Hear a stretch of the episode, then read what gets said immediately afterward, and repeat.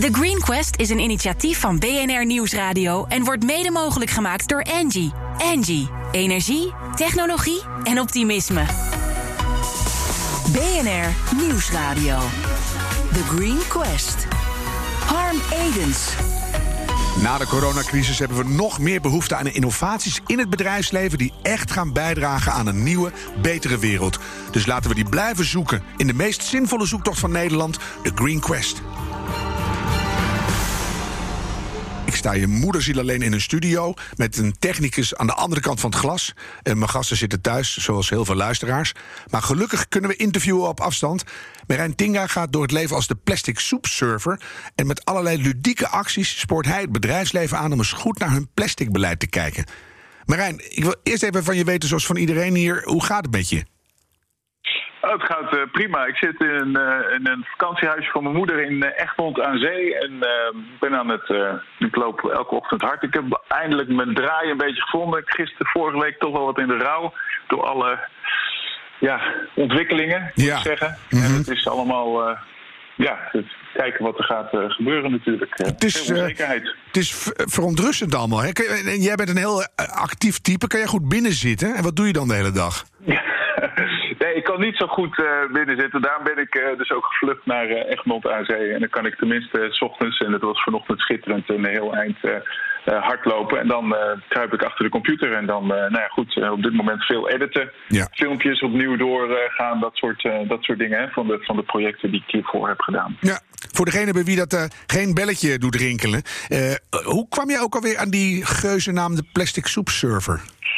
Nou ja, ik ben, ik ben van origine bioloog en kunstenaar. Op een goed moment heb ik van uh, plastic afval dat ik op het uh, strand heb gevonden... een surfboard gebouwd, hè, in elkaar geperst met een gasbrander en een, en een, uh, en een strijkijzer. En daar heb ik toen een recordpoging op ondernomen. Toen ben ik van België tot aan Duitsland gekitesurfd op dat hele zware massieve uh, boord van plastic afval hè, als statement. Dat is echt al zes jaar geleden, dat is heel lang geleden. Ja. Maar ik zeg altijd, ik stapte op als kunstenaar en ik stapte af als uh, activist, als de plastic soepsurfer. Dat heeft me wel gevormd. En daarna heb ik een heel aantal projecten gedaan op eenzelfde soort manier. Want ik, uh, ik heb bijvoorbeeld een, een boord gemaakt van plastic flesjes. Daar ben ik van uh, Scheveningen naar Engeland gekitesurfd. Oh ja. uh, om statiegeld ingevoerd te krijgen in uh, Nederland. En daar een petitie aangeboden. En daar is ook de Plastic Soup Server petitiemotie. Dus echt een, een, een motie die door het, door het kabinet is aangenomen. uit voortgekomen. En daaruit gaan we zien dat we volgend jaar de statiegeld krijgen op kleine plastic flesjes. Om te Ja. voorkomen natuurlijk dat ze uiteindelijk in het milieu terechtkomen. Maar daar moeten we wat langer bij stilstaan, denk ik. Want dat kan je echt bestempelen als een groot succes. Vanaf 2021 statiegeld op kleine frisdrank- en waterflesjes. Hoe, hoe kwam je erbij, los van het feit dat, eh, dat je met plastic bezig bent... dat je je op dat specifieke eh, productdeel van de markt ging richten? Want er is zoveel plastic. Waarom nou juist die frisdrank- en waterflesjes? Nou, het jaar daarvoor had ik een uh, reis gemaakt van vijf maanden met mijn gezin door heel uh, Scandinavië. Ik kwam daar elke dag dat uh, plastic afval tegen, elke dag ook opruimen. En dat is eigenlijk het moment dat ik inzag dat opruimen alleen en educatie alleen, hè, we waren vlogs aan het maken, educatieve vlogs. voor, voor de basisscholen. En ik kwam erachter dat, ja, dat we echte maatregelen aan het begin bij de bron nodig hebben om dat plastic probleem aan te pakken. Ja. en in Nederland hebben we dat unieke situatie natuurlijk dat we wel statiegeld hebben op grote plastic flessen, maar niet op die kleine plastic flessen. Terwijl, die, terwijl dat kleine plastic flesjes natuurlijk het meeste milieu terechtkomen.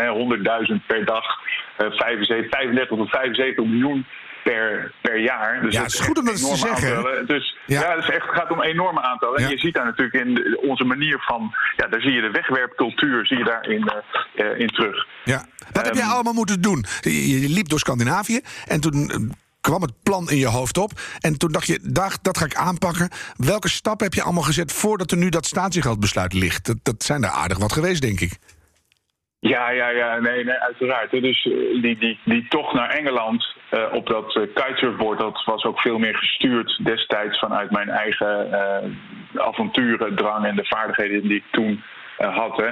En, en dat het zo'n enorm succes zou worden, die petitie, waarbij ik 60.000 handtekeningen ehm, heb eh, opgehaald en die kon aanbieden in de Tweede Kamer. Ja. Ehm, dat had ik, dat had ik eh, van tevoren niet verwacht. Maar je ziet wel op het moment dat dingen politiek worden en financieel, dat zijn natuurlijk de momenten dat mensen, als het voorbij die bewustwording komt, dat zijn de momenten, momenten dat mensen echt geïnteresseerd in raken. Want dan gaat het hen ook uh, raken. En ja. daarin zag je dat er een heel groot netwerk zich uh, opende. En een heel aantal mensen zich, uh, nou ja in mijn team terecht ja, kwamen. Dat, dat is de magische klik, hè? Ja, dat is de magische klik. Ja, ja.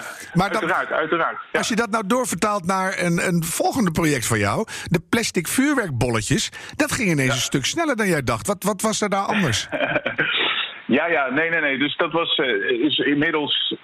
Um, heb ik redelijk wat contacten aan de ene kant in het bedrijfsleven. Aan de andere kant uh, is er een steeds grotere bewustwording en een steeds grotere community aan mensen die heel concreet iets wil doen. Uh, een van de grootste daarin is uh, Dirk Groot, de, de. En die was vorig jaar al bij me gekomen met, met, uh, met een bepaald soort vuurwerk, knetterballen. Mm -hmm. um, uh, daar overheen kwam natuurlijk, hè, dus die kwam weer bij me, naar mij toe. En uh, zo zijn we dat, dat project uh, gestart op, op knetterballen en vuurwerk. Dus dat is een bepaald soort vuurwerk, categorie 1 vuurwerk, wat dus ook niet verboden gaat worden. En volgend jaar of dit jaar nee. gaat niet verboden worden. en nou ja, we, we, waren daar, we hadden daar 60, of nou, 40.000 of 50.000, ik weet het niet meer. In ieder geval heel veel van die, knet, van die plastic schillen bij elkaar opgeraapt, foto's van genomen. En daarmee zijn we toen naar die uh, directeuren van verschillende bedrijven gaan, ja. gegaan. Uh, en in dat hele kader van die single-use plastics richtlijnen in de EU hè, die er nu aankomen, zie je natuurlijk dat al die bedrijven sowieso natuurlijk onder maatschappelijke druk, maar alle bedrijven zijn natuurlijk al hun um, producten al tegen het licht, hun plastic verpakkingen tegen het licht aan het uh, houden. Ja, ja, ja. Het, en, lijkt, en, het lijkt af en toe wel of ze gewoon schrikken van hun eigen puinhopen. Dan denken ze, leuk, uh, vuurwerkbollen. En dan zien ze wat voor ja, tyfuszooi het oplevert. En denken ze, oh ja, is toch iets minder. Ja. Precies. Nee, precies. Dus dat, dat is wat je zag. Hè. Dus dan kan aan de onderkant in die, in die organisatie kunnen er uh, inkopers zijn geweest die dachten, nou, die hebben zich laten overtuigen door, door uh, dat, dat dat in het, in het, assortiment moest. En dat, dat, daar, daar weet zo'n CEO dan niks van af. En als je die daar dan uh, van op de hoogte stelt, dan kan hij dus, en dat, dat vind ik echt schitterend zoals de HEMA dat dan gedaan heeft, ja. eigenlijk per direct na een mail direct uh, heeft gezegd, nou, dit halen we uit uh, de schappen. Ja. En er zat nog wel achter dat we, we dreigden met een rechtszaak. Hè. Dus we hebben gezegd, we willen een soort principe-uitspraak van de rechter. Dit is letterlijk wegwerpplastic. Dit is plastic dat bedoeld is om letterlijk op de grond te werpen. En je kan er niet vanuit gaan. Dat, ja, ja dat, je kan er niet vanuit gaan dat de eigen verantwoordelijkheid van de consument zo groot is dat hij dat altijd gaat opruimen. Ook omdat de doelgroep natuurlijk over het algemeen minderjarig ja. is daar. Dus ik, ik, al die dingen wil, samen. Ik merk hoe vol je ervan zit, maar ik wil toch het grotere plaatje. Sorry, ja, sorry, ja. nee, dat is een interview op afstand. Dan kan je elkaar niet dwingend in de ogen kijken. We hebben nu 15 Europese landen en 66 partijen die deze maand het plastic pact zijn aangegaan. En dat het streven daarachter is 100% gerecyclede plastic. Ik denk, moeten we niet gewoon zoveel mogelijk van plastic af? Want dan komt het ook niet meer in de oceanen terecht. En dat wegwerpgedoe daar in, in het Verre Oosten. En weet je, het is zo moeilijk te doorbreken. Laten we het niet meer aanbieden.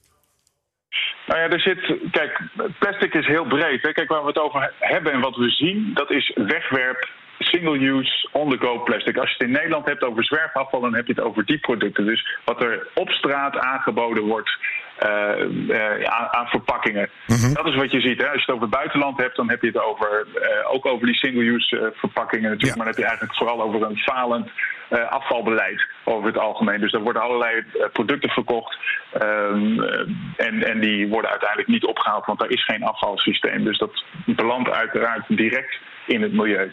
Nou ja, als je het dus over Nederland hebt en over recycling, en, en, die fout wordt door heel veel bedrijven nog steeds gemaakt, dat als je beter zou recyclen, dat er dan minder plastic vervuiling zou komen. Maar recycling is de stap na sortering, is de stap na inzameling. Ja. Dus als je niet inzamelt, kan je ook niet recyclen. En die plastic vervuiling is gevolg van een falend inzamelbeleid. en dan dus... in Nederland nogmaals specifiek gaat het dan natuurlijk over dat zwerfafval. Dat, is een, dat heeft veel mee te maken met verantwoordelijkheid van uh, consumenten. In de hele breedte dus uh, de boel aanpakken en, en dit kan daar een onderdeel van zijn. hey, uh, we zijn bijna halverwege het programma. wat doet de coronacrisis met jouw missie? Verdiept die? Leer je dingen? Ja, nee, ik geloof. Nou ja, uh, zeker, zeker. Kijk, want ik geloof dat die coronacrisis ons heel erg terugbrengt op de essentiële waarden. En dat, dat is wat je in deze plastic discussie ook ziet. Hè, als en, en zegt hij eens in één zin, want zover heb je nog. Oh, um, uh, uh, vrijheid zonder moraal leidt tot onrecht. En dat leidt dus tot vervuiling van het milieu. Ja, en daar moeten we heel snel wat aan gaan doen met z'n allen. Ik uh, ben blij dat je de, was uh, live vanuit Egmond. Uh, blijf gezond en ga door met je goede acties. Marij Tinga, alias de Plastic Soup Server. BNR Nieuwsradio. The Green Quest. Onze Green Gallery loopt langzamerhand helemaal vol. We zijn aangekomen bij alweer nummer 31 in die Green Gallery. En dat is Filigrade. En de CEO Johan Kerver is er telefonisch bij. En het kritisch jurylid vandaag is Chantal Vergouw. Ver weg ergens in Nederland. En ze is ondertussen CEO van Interpolis. Dag Johan, hoe gaat het met je? Ja, ik ben nog helemaal gezond. Ja. Hoe, ben jij de afgelopen week doorgekomen? Want het was me wel een weekje.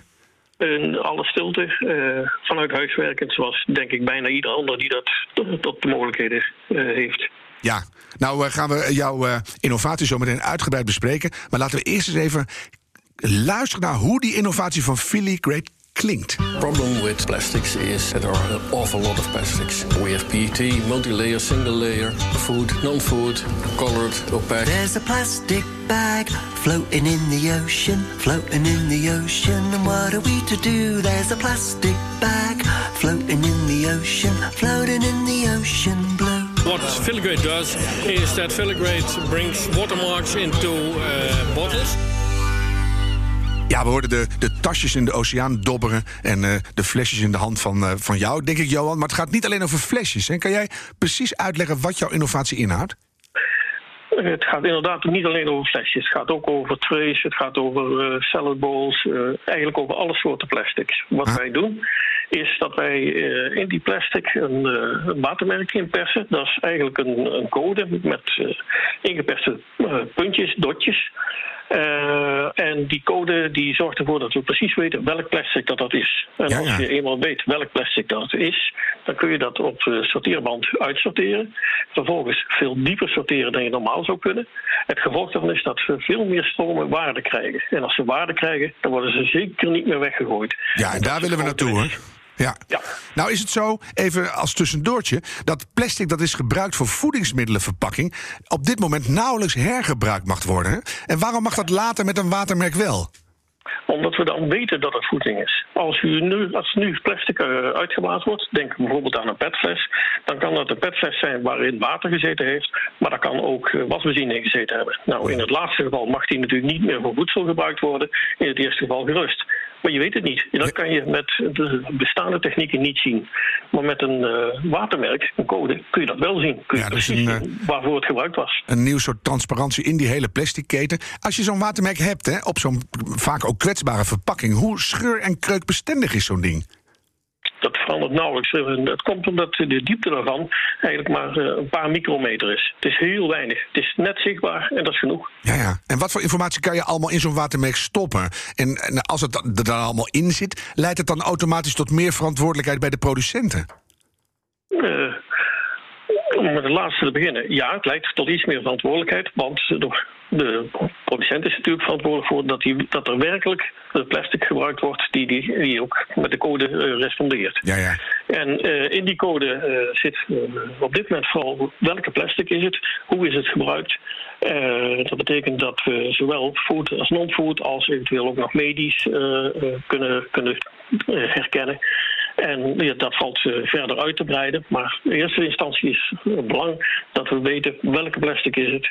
En is het food, non-food? Ja, en dan, dan zit het erin en dan gaat het de keten in. Uiteindelijk wordt het dan bij de afvalverwerker uitgelezen. Uh, wat gebeurt er dan aan die afvalverwerkingskant? Wat kunnen ze dan wel, wat, wat nu niet kan? Dan kunnen ze uh, bijvoorbeeld, laten we als voorbeeld pet nemen. Pet, food en non-food uh, gescheiden aanleveren. Pet, uh, pet food kwalificatie is hoogwaardiger. Dat betekent ook dat het weer hoogwaardig in de, in de stroom gebruikt kan worden. En niet omlaag gaat in de kwaliteit. Mm -hmm. Dat betekent dus dat food, materiaal voor food hergebruikt kan worden. Als voorbeeld, datzelfde bol, zoals we die misschien allemaal wel eens kopen, die in de stroom terechtkomt, die wordt daarna opnieuw gebruikt als cellenbol. Ja, en nu begin je langzamerhand op het punt te komen dat als je dan in een winkel zat. Ik had laatst twee tompoezen voor 35% korting te pakken. En toen kwam ik thuis en dacht ik, ah, het zit gewoon in een hard plastic koffer. En toen baalde ik eigenlijk dat ik hem gekocht had. En later hoeft het dan niet meer, want dan weet je, nee, dat kan gewoon op diezelfde manier weer gebruikt worden. Klopt. En omdat het dan eh, dus een, een hogere waarde heeft, omdat het hoger in de keten staat, betekent dat het ook echt niet meer weggegooid gaat worden. Ja, en daar moeten we naartoe. Hè. Als je nou, want daar zijn wij in dit programma nou op zoek, qua duurzaamheidsdoelen. Als je dat in CO2-uitstootvermindering gaat bekijken hè, en, en grondstoffengebruik, waar kom je dan op uit in jullie prognoses?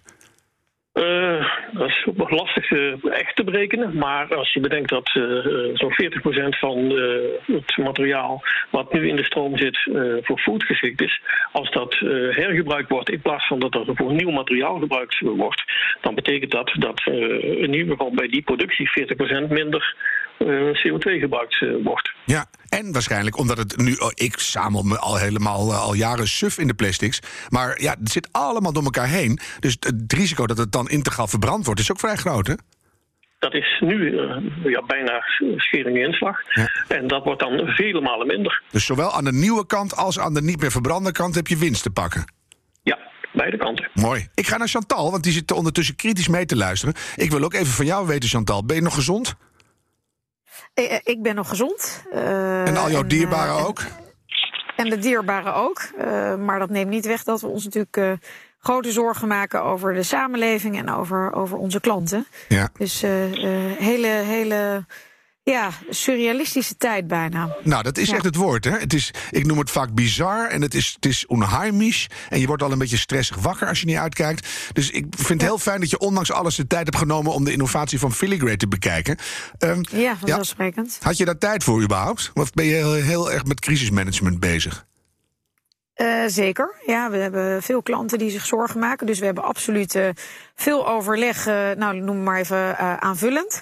Eh, maar dit zijn ook wel weer de hele mooie onderwerpen om, om naar de duurzame doeners op zoek te gaan. Dus daar maak ik heel graag tijd voor. Ja, dat vind ik fijn. Want ik, ik heb dat stiekem af en toe in die benarde tijd ook even nodig. Dat je denkt, als het allemaal weer Ja. op de rails is, wat gaan we dan doen? Wat, wat vond je van Filigrade? Ja, eh, eh, interessant. Eh, en tegelijkertijd riep het ook wel wat vragen bij me op. Ehm, en één daarvan is eigenlijk, ja, weet je, ehm, zouden we de ondernemers nou juist niet, en dat is een van mijn stokpaardjes in dat opzicht, niet juist moeten prikkelen om geen plastic meer te gebruiken? En bewegen we zo niet eh, van het probleem, eh, ja, van het probleem weg, zeg maar. Hè? Je houdt eigenlijk toch afvalstromen in stand. Althans, dat is zoals ik het lees. Dus daar ben ik nog wel benieuwd naar. ehm, ja, hoe, hoe, hoe jullie daar naar kijken of hoe Filigrade daar naar kijkt. Ja, Johan, eh, op deze manier rem je de plastic consumptie niet af. Hoe kijken jullie daarnaar? Ja, nou, je kijkt inderdaad, je rent hem niet, eh, niet direct af. Maar vergelijk het eens even bijvoorbeeld met, met glas. Daar wordt het eh, leeuwendeel, eh, echt een groot deel ook van ingezameld en weer hergebruikt. Eh, plastic is eigenlijk eh, veel gunstiger eh, als materiaal. En als het eh, maar niet in, een, eh, in de natuur terechtkomt, dus als het werkelijk gerecycled wordt, dan is dat bezwaar ook lang zo groot niet meer. Ja, maar dat is. En, de- en, en Ja, maar er dat komt is ook, bij dat een aantal plastics gewoon helemaal niet nauwelijks vervangbaar zijn. Denk aan, aan medische toepassingen. Denk aan eh, toepassingen waar eh, ons eh, sommige soorten voedsel. Als eh, voedsel eh, niet goed verpakt wordt en het bederft verder, dan is de impact op het milieu vele malen groter. Ja, Chantal. Nou, wat, wat mij ook wel, wat ik ook lastig aan dit, hè, de- de- deze eh, is een, een, een lange ontwikkeltraject, hè, en getest en gelukkig ook maar. Eh, dat vraagt ook, eh, nou, laten we zeggen, een financiering. Maar het vraagt ook dat veel partijen meedoen, hè, producenten, consumenten, afvalverwerkers. Hoe verleid je al die partijen eh, om mee te doen? Ja, want dat, eh, dat vraagt nogal wat volgens mij. Ja, Johan. Want Dat even ter verduidelijking misschien nog. Jullie zijn al vijf jaar aan het onderzoeken en pilots aan het maken. Ehm, dat is een een hoop financiering en een hoop belanghebbenden. Ja, nou verdienen we gelukkig met een, eh, met een andere toepassing. eh, ook wel met hard werken, maar niet, niet deze. eh, toch wel ons geld. Dus daar kunnen we dat ook mede uit, uit betalen. Eh, dat, dat maakt het ook, ook aantrekkelijker voor ons. Maar even terugkomend op, ja, we hebben de hele keten nodig. En dat is wat het van de ene kant lastig maakt. Van de andere kant willen wij straks ervoor zorgen dat eigenlijk alle partijen daar gunstig uitkomen. Een van de dingen is natuurlijk dat als je een verpakking maakt die werkelijk gerecycled wordt in Nederland en als zodanig ook goedgekeurd, dan heb, betaal je een, een lagere green fee. En als dat, van dat bedrag willen wij een stukje, een stukje hebben, niet eens alles. Ja. Het, Welke concrete partijen zijn er nu al aan boord? En, en wat moet er nog gebeuren zodat het niet nog vijf jaar gaat duren, maar dat het binnenkort ook echt ingevoerd gaat worden? Nou, wij uh, gaan meedoen aan het uh, nieuwe project uh, van het NTCP, nieuw testcentrum. Daar gaan we laten zien dat het echt werkt. Want uiteraard, het moet bewezen worden. We zijn nog niet, niet live hiermee. We hebben wel al de nodige testen gedaan in binnen- en buitenland. En daaruit is gebleken dat het werkt, dat het kan. En mhm. nu willen we het grootschalig laten zien. En dan komt daarna de, de, volgende stap natuurlijk dat de anderen instappen. Ja. En uh, wij zijn eh, deel van het uh, Plastic Pact, zowel in Nederland als in Europa. En wij willen binnenkort in Nederland met een aantal partijen gezamenlijk starten om een grootschalige proef te, te kunnen doen. Dat is mooi. Chantal, heb je er al iets meer vertrouwen in? Uh, jazeker. Nou, het, het, klinkt in ieder geval goed. En tegelijkertijd blijft voor mij wel. Nou ja, het is een complexe, uh, een complexe keten. Mm um, en om te zorgen dat iedereen gaat meedoen. dat kan zo nog maar eens heel veel tijd kosten voordat het echt daadwerkelijk op de markt is en dus ook impact kan maken. En ik was ook nog wel nieuwsgierig als laatste vraag. Uh, hebben jullie ook marktonderzoek gedaan naar behoeftes bij, nou ja, laten we zeggen, de gebruikers hè, en de ondernemers die straks met die, bijvoorbeeld die bekers aan de bak gaan? En, en wat zijn dan eventuele barrières die zij zien? Of is er ook nog competitie uh, wellicht in de struiken die uh, met dergelijke andere toepassingen bezig is, die hetzelfde voor die ondernemer kan betekenen in termen van recyclebaarheid van de producten die die uitlevert? Ja, Johan. Dus uh, kartonnen, papieren, papieren, bekers, et cetera. Nou ja, papieren bekers hebben natuurlijk het nadeel dat aan de binnenkant toch nog weer een plastic laagje zit, waardoor ze nog slechter te recyclen zijn. Maar even dat terzijde. Uh, waar het uh, hier uh, om gaat is dat el, bijna elke partij er belang bij heeft. om hoogwaardig te kunnen recyclen. Dus op het moment dat de sorteerders, om hier als voorbeeld te nemen, food van non-food kunnen onderscheiden, dan zullen ze voor die food plastics meer geld kunnen vangen. Dat betekent dat die vervolgens uh, omgezet worden weer naar, uh, naar basismateriaal, naar grondstof. En vervolgens weer, worden daar weer nieuwe producten van, van gemaakt. Mm -hmm. alle brandowners zijn daar razend enthousiast over. Die hebben allemaal beloofd in hun jaarbeslagen en, en waar dan ook dat ze in 2024, 2025, 2026 en verder voor, voor 50% of meer uh, gerecycled materiaal willen gebruiken. Maar dat is er helemaal nog niet. Nee, dus daar moeten we ze aan gaan houden. Dus, dat, zo simpel is het. Ik ga jullie. Uh, zorgen dat het mogelijk is. Ja, ik ga je heel veel succes wensen. Dankjewel, Johan Kerver, directeur van Filigrade. En Chantal Vergouw, jurylid en CEO van Interpolis. Dank voor je bijdrage. En allemaal heel veel sterkte de komende tijd. Kijk op thegreenquest.nl om alle bedrijven in de Green Gallery te zien. En als jouw bedrijf ook een mooie duurzame innovatie heeft, meld die als de Wiedeweerga aan. Terugluisteren kan via de BNR-app, iTunes, Spotify en ga zo maar door. En bedenk minstens één keer per week: die volhoudbare wereld, die gaan we samen weer maken. Blijf gezond of word snel beter.